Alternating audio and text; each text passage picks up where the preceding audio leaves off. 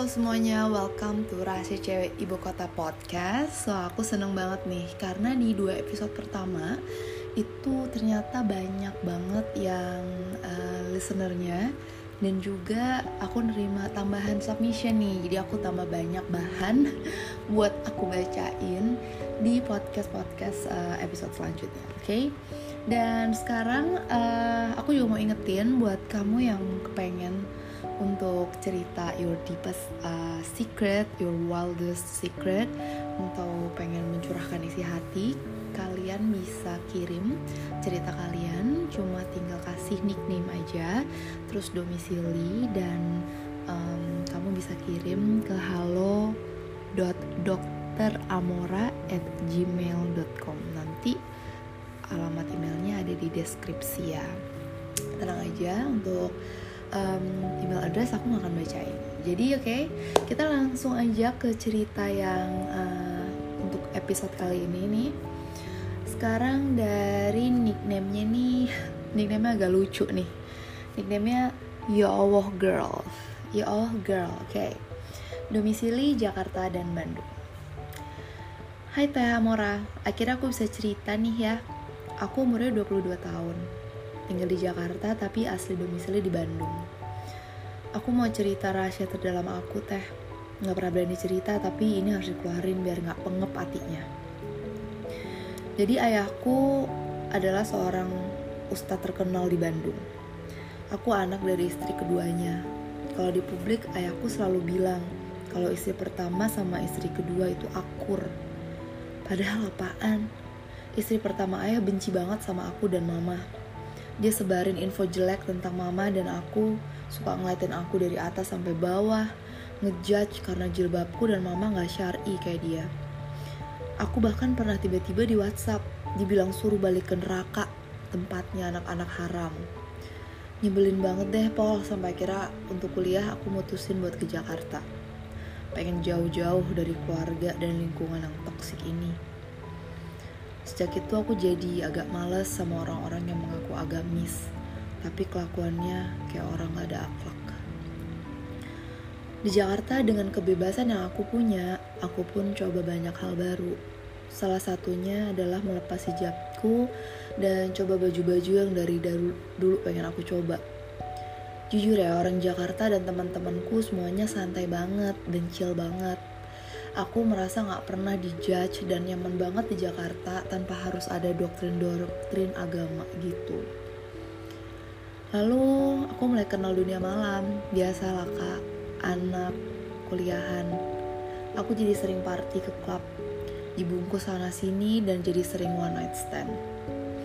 Ternyata aku punya libido yang lumayan tinggi, jadi aku harus merasa dipuasin terus.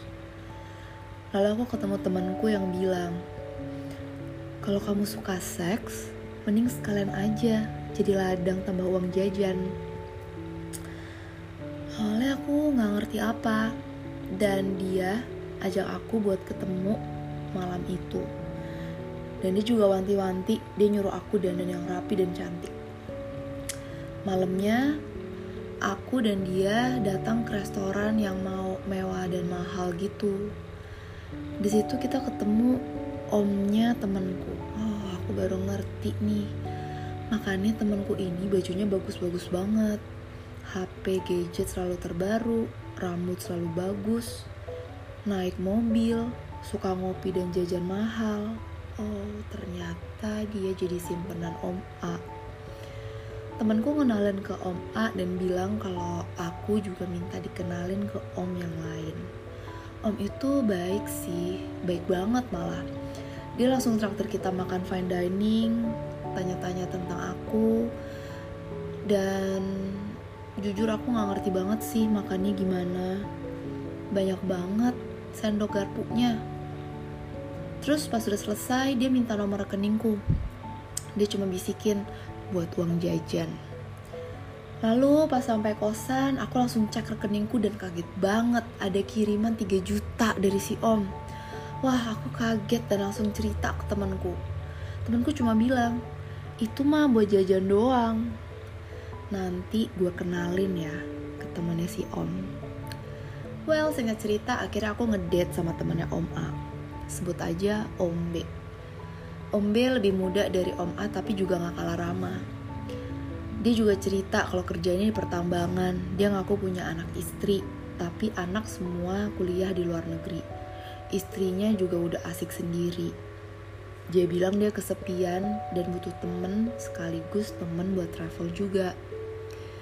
Akhirnya aku ngiyain ajakan Om B dan sejak itu aku resmi jadi simpanan dia. Aku dikasih uang jajan, plus uang nyalon, plus monthly allowance. Aku juga dibeliin laptop sama HP baru. Sebulan sekali minimal aku nemenin Om B keluar kota atau keluar negeri buat nemenin meetingnya dia. Lalu setelah hubunganku sama Om B selesai, aku jadi cari-cari Om lain karena udah kebiasaan dengan lifestyleku yang tinggi, apalagi di Jakarta. Terus ya temanku itu yang kita panggil Mami, dia nyariin lagi Om buat kita. Buat aku sih intinya. Intinya aku udah jadi simpenan Om-Om itu sekitar 8 kali lah. Saat ini aku lagi ada juga nih Om yang biayain aku dan dia katanya suka sama aku. Dia pengen nikahin aku cuma ya nggak tahu deh gimana kalau bilangnya ke ortu. Tapi ya intinya hidupku jauh banget dari keinginan keluarga di Bandung. But aku sama sekali nggak nyesal dengan hidup ini. Aku nggak suka dengan kehidupan munafik di Bandung. Aku lebih suka dengan pertemanan dan hidup di Jakarta seperti ini Omku yang sekarang bahkan juga mau biayain aku hidup dan aku sih gunain semua uang aku buat bisnis dan jadi influencer juga Doain aja ya Teh Amora. Aku pokoknya gak mau balik ke Bandung lagi selamanya. Hah, makasih ya. Aku lega banget. Sukses terus Teh Amora. Wah, wah, wah. Ya Allah girl, I'm so glad. Aku senang karena kamu merasa kamu udah keluar dari kehidupan yang kamu yang merasa itu munafik ya atau ngerasa nggak real untuk keluarga kamu yang di Bandung, I have no comment, oke? Okay? Tapi untuk keputusan kamu dengan mengelola uang-uang yang kamu terima dengan bisnis dan jadi model influencer, menurut uh, Amora itu adalah pilihan yang tepat. Jadi kamu memutar uang itu, oke? Okay? Oke okay juga nih ya, berarti kamu ada sense of businessnya. Oke, okay?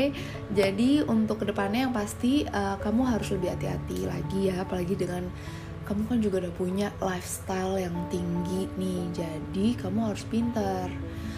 Gimana mengelola uang ini biar tetap lifestyle kamu ini tetap jalan, oke? Okay? Dan yang pasti kalau kamu rajin one night stand, rajin bungkus sana sini tetap, tetap ya harus aman, harus aman, harus mainnya pintar, oke? Okay?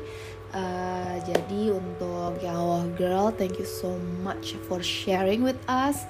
Um, dan buat uh, kamu-kamu yang lagi dengerin dan pengen juga nih untuk mengeluarkan semua keluh kesah atau mengeluarkan uh, rahasia terdalam kamu nih, boleh banget kamu bisa kirim ke halo.dokteramora@gmail.com. Alamatnya ada di deskripsi dan kamu tinggal tulis nickname aja nih. Nickname domisili lalu cerita. Oke okay, tenang aja semua akan aku keep confidential atau aku semua tetap jaga dengan aman. Aku nggak akan bacain email address kamu jadi your secret will be safe with me. Rahasia kamu akan aman sama Amora oke? Okay? dan oke okay, thank you for listening. Kita ketemu lagi di podcast selanjutnya ya oke? Okay? bye bye